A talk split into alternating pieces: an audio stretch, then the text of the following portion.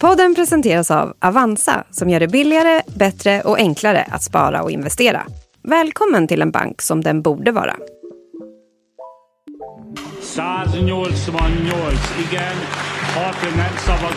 Det är klart. Ungern har sagt ja till att Sverige ska få gå med i Nato. Ett historiskt beslut. Sverige överger i och med detta sin neutralitet. Snart är över 200 år av alliansfrihet historia. Turkey's parliament has voted in favor of Sweden's accession to NATO. We look forward to welcoming Sweden as a full member of the alliance. Men vad händer egentligen när Sverige går med i Nato? På en kvart får du veta varför Göteborgs hamn måste byggas om, hur nya vägar måste dras mot Norge och vad som händer om alliansens jätte, USA, skulle lämna. Det här är dagens story från Svenska Dagbladet med mig, Alexandra Karlsson.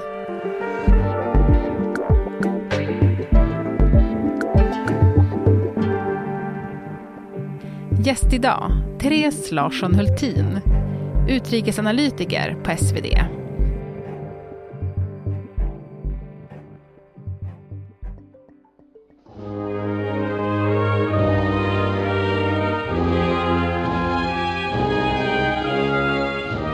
Therese, är det här något vi kommer få höra oftare framöver? Alltså NATO-hymnen. Vilken rolig fråga. Eh, nej, säger jag spontant. Eh, jag har varit på flera NATO-toppmöten. Jag har varit på NATO-högkvarteret. Jag har nog varit i alla NATO-länder tror jag. Jag har aldrig hört den förut. Mm. Pinsamt kanske, men jag har inte gjort det. Alltså jag har svårt att tro att vi kommer höra den så ofta. Jag tycker inte att det är så pinsamt. Ja, bra. Det finns värre saker, Therese. men du, vi ska ju prata om NATO idag. Mm. Vad är det egentligen för organisation vi går med i? En försvarsallians, det har väl alla hört till leda just nu, som grundades eh, 1949 den 4 april, så det är 75-årsjubileum här nu om inte alls lång tid. Eh, 12 länder efter andra världskriget ville gå samman och liksom hjälpa varandra ifall de skulle bli attackerade. Den här artikel 5 som väl alla har hört om också till leda, att där, alltså en för alla, för alla, alla för en. Blir någon attackerad så kommer de andra och hjälper till. Och nu när vi går med så blir det 32 länder. Mm. Och finns det någon som bestämmer lite mer i NATO? Nej men det gör ju inte det. Det här är ju en mellanstatlig organisation och det är jätteviktigt att ha med sig. För man hör så här ibland liksom i debatten att Åh, nu kommer NATO komma och bestämma. Och, nej, NATO kommer inte komma att bestämma någonting. Sverige bestämmer fortfarande över Sverige och svenskt försvar. Mm. Eh, I NATO så kan man liksom stöta och blöta saker tills alla är överens. Så att, eh, nej, det är ingen som bestämmer över någon annan. Mm. Men, jag, men jag tänker då bara en sån konkret sak. Du sa där om artikel 5, det är liksom om, om ett NATO-land attackeras så måste de andra länderna hjälpa till. Om vi tar ett, ett konkret exempel. Vi ser Turkiet som är ett NATO-land. Om det skulle bli attackerat av Syrien, mm. Måste vi skicka dit folk till Turkiet då för att hjälpa dem? Ja, men det är ju det där igen, vi måste ingenting. Eh, jag tar upp min lilla, känner du igen den här Alexandra? Mm, ja, den har du haft med. Ja, det här är liksom eh, Washingtonfördraget som är lite ett tunt häfte, mm. där det är vissa paragrafer. Mm. Där i den här då beryktade artikel 5 så står det att ja, vi ska hjälpa Turkiet om de blir attackerade, men det är upp till oss att bestämma hur. Så vi måste inte skicka trupp. Vi kan skicka sjukvårdare eller lite materiel eller så går vi liksom all in och skickar massa svenska soldater. Det är som sagt upp till Sverige. Mm.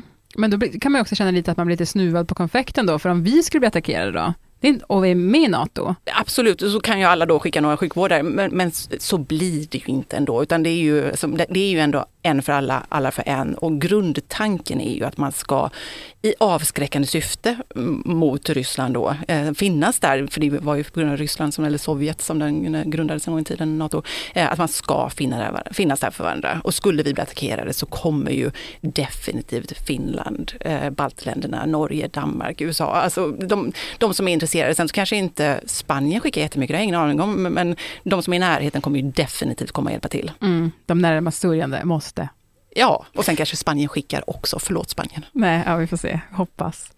Men du, kostar det något att vara medlem i NATO? Mm, det gör det. Svenska regeringen skriver på, sin, eh, på hemsidan att någonstans mellan 600 och 700 miljoner kronor per år tror man att det svenska medlemskapet kommer att kosta. Exakt det, hur man räknar ut det, det är olika för olika land beroende på hur stor man är. Eh, det vet jag faktiskt inte. Det finns säkert någon formel hur man gör det. Och sen så då det egna försvaret. Det finns ju ett mål att man ska lägga minst 2% av BNP på försvar, vilket ju bestämdes i Wales på toppmötet där 2014 efter att Ryssland hade invaderat Krim och östra Ukraina. Men det är inte alla länder som är där ännu, eh, en tredjedel ungefär. Mm. Och det är Sveriges mål också, att ha 2% Sverige spenderar faktiskt redan över 2% 2,1 procent tror jag försvarsministern Pål Jonsson sa. Spring, is that you? Warmer temps mean new Allbirds styles. Meet the Superlight Collection, the lightest ever shoes from Allbirds, now in fresh colors. These must have travel shoes have a lighter than air feel and barely their fit that made them the most packable shoes ever. That means more comfort and less baggage. Try the Superlight Tree Runner with a cushy foam midsole and breathable eucalyptus fiber upper. Plus, they're comfy right out of the box. So, what can you do in a superlight shoe?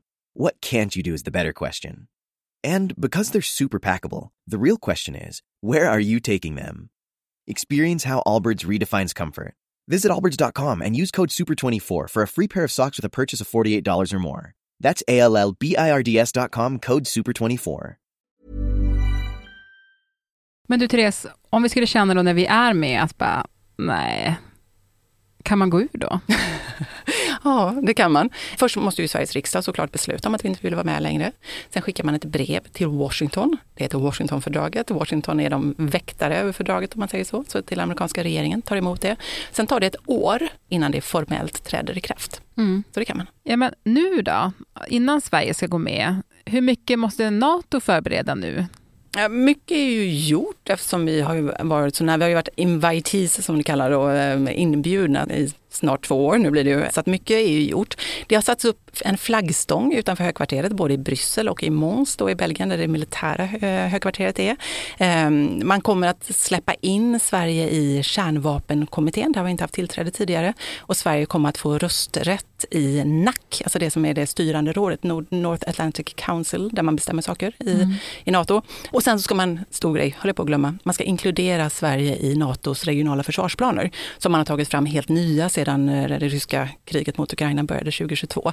Och där har man inte kunnat inkludera Sverige hittills. Eftersom vi inte har varit med så kan man inte börja planera för att vi är med. Mm. Eh, så där ska man nu då fort som 17 få in Sverige också innan de ska implementeras i sommar. Mm. Och sedan ska man få in svenskar i högkvarteret också, möblera om där och få plats för oss. För som det är just nu så den, Sverige har ju haft en delegation i NATO tidigare, men de har suttit på andra sidan gatan liksom, i ett annat hus och inte fått vara del inne i högkvarteret. Mm. Men nu kommer de alltså få nya alltså, badges, nya kort så de kan komma in även där och mm. skrivbord såklart. Mm. Härlig traska över gatan där. Mm. Jag, jag måste fråga, den här mm. kärnvapenkommittén där, vad får man veta när man sitter i den? Men då beslutar man ju om hur kärnvapen, vilken strategi man ska ha, hur och när kärnvapen kan sättas in och så vidare. Ehm, och, och, där är väl också värt att trycka på än en gång att det kommer inte stationeras några kärnvapen på svensk mark utan att Sveriges regering i så fall säger ja till det först. Och folk jag pratar med i Bryssel säger att Sverige skulle inte få kärnvapen om vi så bad om det. Mm -hmm. ehm, så det kommer inte, högst troligt i alla fall, finnas kärnvapen i Sverige mm. under överskådlig framtid. För att de inte litar på Sverige då, eller varför? Nej men de, har ju, de är ju utplacerade liksom på ett antal ställen. Det finns, man ser ingen anledning just nu att, att sätta kärnvapen i Sverige. Nej. Okej, NATOs lista kanske ändå inte så lång, men Sveriges att göra-lista då? Ja men den är längre. Och då tar jag fram en liten fusklapp mm. här så att jag inte mm. missar någonting. Det handlar dels om mer personal, det är ju flera hundra personer, militärer och tjänstemän, till de politiska strukturerna som ska ner till Bryssel och de ska då hitta på ersättare här hemma också, så det är mycket personal som ska anställas. Någonting som heter Capability Targets, skarpa förmågekrav på svenska. Det är en mm. kravlista där NATO ger sin bild av hur de tycker att det svenska försvaret ska se ut, vilka förmågor man ska ha. Mm. Infrastruktur det kommer behövas bygga vägar, alltså framförallt i öst-västlig riktning från Norge och in i Sverige. Man tänker ju att om det skulle bli en krigssituation här så kommer det komma förstärkning västerifrån, från liksom USA, Storbritannien och så vidare. Och då måste de kunna ta, anländer de till Norge och måste kunna ta sig in i Sverige. Mm. Av samma anledning kommer man behöva bygga mer järnvägar, förstärka järnvägen eh, för att kunna förflytta trupper och vapen. Man kommer behöva bygga fler flygplatser. Hamnar behöver förstärkas, eh, eh, gör djuphamnar, åtminstone i Göteborg. Och det behövs uppställningsplatser för liksom allt det här materialet och, och sådär. Sverige ska ju vara någon form av uppladdnings och genomfartsområde. Liksom. Man pratar om strategiskt djup, att det är det Sverige ger när vi nu går med då mot... För man tänker sig ju att om det är Ryssland som anfaller så anfaller de kanske då Finland, Baltikum, och att det kommer hjälp västerifrån Norge. Och då kommer vi vara otroligt strategiskt viktiga där i mitten som vi ligger. Mm. Men det här låter som jättestora investeringar och projekt. Och hur bygger man ens om en hamn så den blir en djuphavshamn? Ja, ja, gud ja, det här är ju enorma projekt och det är ju inga beslut fattade heller. Utan det här är ju något som kommer att komma på sikt, men som vi kanske skulle behövt ändå liksom förstärka i det här säkerhetsläget. Men listan är inte klar ännu. Eh, man behöver stärka beredskapen. Mm. Det vill säga totalförsvaret. Se till att livsmedelsförsörjningen fungerar. Som det är nu så har vi ju inte några lager. Det behövs byggas upp riktiga lager. Eh, beredskapssjukhus eh, där man kan vårda soldater om det skulle behövas. Och till sist juridik. Man behöver se över liksom, lagstiftning och, och regelverk och så, här, så att, att, det lirar med NATO eh, fram, framöver. Mm. Vad kan det vara för lagar då? Mycket bra fråga. Ingen aning. Nej. Nej. jag är inte jurist, jag vågar inte ens ge mig in på det där. Nej. Men, det, Men det är tydligen mycket att göra där, det, det har jag förstått. Mm. Men jag menar, finns det en deadline för när man ska ha gjort allt det här? Eller liksom? Nej, alltså, det är ju det det inte finns. Och, och, det här är ju också, jag ska inte säga att man ska ta det med en nypa salt, för det ska man inte, utan Sverige kommer ju behöva göra massa saker. Men Tittar du ner liksom på Europa, kontinenten och tittar på hur, liksom, hur ser vägarna ut i Rumänien, hur ser vägarna ut liksom i östra Polen, så är det ju inte som att, de, att det är perfekt där, utan NATO behöver satsa på infrastruktur över hela europeiska kontinenten för att kunna, om det skulle hända någonting, att kunna få fram trupp och liksom, eh, vapen. Mm. Allt det här låter ju så väldigt dyrt också. Det har man ju alltid, för man vill ju alltid rusta upp till exempel tåg, även mm. när det är fredstid. Men då är det så, det är så dyrt att, att bygga räls och det är så dyrt med tåg. Vem ska betala? Är det vi som ska betala det här? Ja, det blir det ju. Absolut. Mm. Det blir du och jag, Alexandra, och alla som lyssnar. och några till förhoppningsvis. Ja, förhoppningsvis.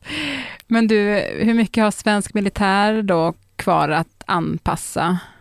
Ja, men de har ju gjort jättemycket. Nu har ju vi varit liksom partner med NATO i många, många, många år. Så att liksom mycket av de standards som, som vi har passar ju redan till deras. Liksom hur man kunna tanka tillsammans, eller den typen av saker. Eh, men, men det är ju ändå, man behöver ju se över hur man arbetar. Eh, så att det är ju fortfarande mycket kvar att göra. Det handlar också om befälsstrukturer och sådana här saker. Så att Försvarsmakten har ju fullt upp just nu. Mm. Men jag tänker då, vid ett NATO-inträde, kommer, alltså, eller hur kommer det påverka till exempel då anställda inom militären, men även värnpliktiga? Ja, men det, det kommer ju påverka, alltså framförallt dem, eh, framförallt anställda inom militären och i de myndigheter och, och, och eh, ministerier som, som berörs Och så kommer man märka jättemycket att man just då måste arbeta kanske på ett annat sätt.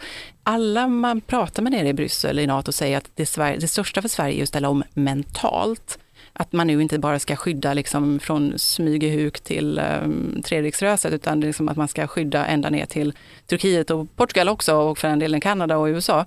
Och att det blir en jättestor mental omställning. Ja, det är ju, det är ju en tidigare identitet som kommer bli någonting annat nu. Absolut. Om man inte jobbar militärt då, utan man är, ja, du och jag eller liksom man har något annat jobb, kommer man märka då att Sverige är med i NATO? På ett plan så skulle jag säga inte så mycket alls. Våra vardagsliv kommer ju inte förändras speciellt mycket eh, om man då inte arbetar inom de här områdena. Däremot så kan du ju märka av liksom att, att det är fler militärövningar kanske. Sverige har ju slutit ett samarbetsavtal med USA där de ska ha liksom rätt att stationera Eh, militär och vapen här på 17 olika baser. Det kommer inte komma några stora mängder soldater men kan, man kan ändå märka av att det kanske finns amerikaner, några stycken. Och sen så liksom debatten, alltså är del av NATO kanske man för på ett annat sätt men å andra sidan de senaste åren har ju varit så fullt av NATO-rapportering i vilket fall så jag har svårt att tänka mig att det kan bli ännu mer. Tänk dig själv när du åker på semester till Tyskland eller någon annanstans. Jag, jag har för övrigt, jag, med, jag har bott i flera europeiska länder och man märker ju inte av att det är ett NATO-land eller inte ett NATO-land.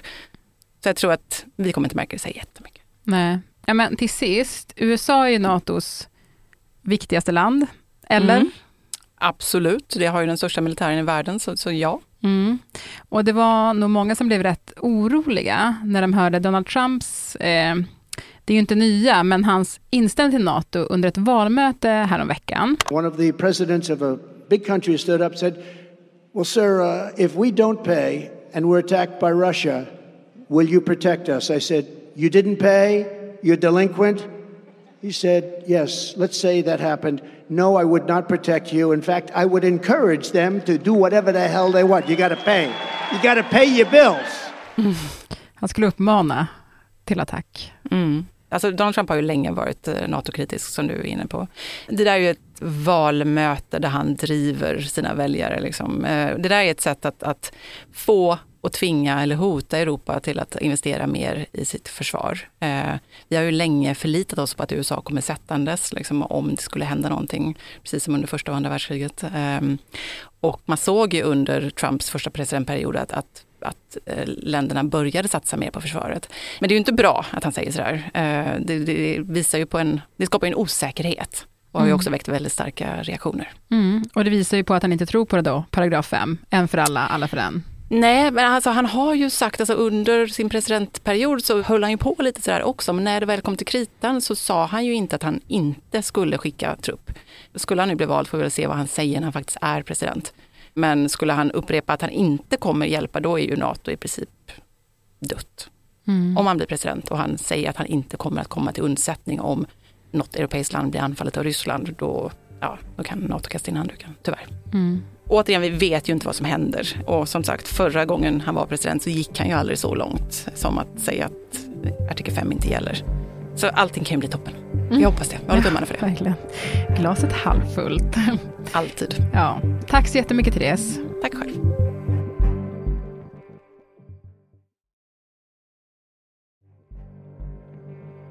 Och programmet idag producerades av Lukas Brisketto, redaktör var Elin Romeliotto och ansvarig utgivare Elisa Irenius. Om du vill kontakta oss så gör det på dagensstory.svd.se.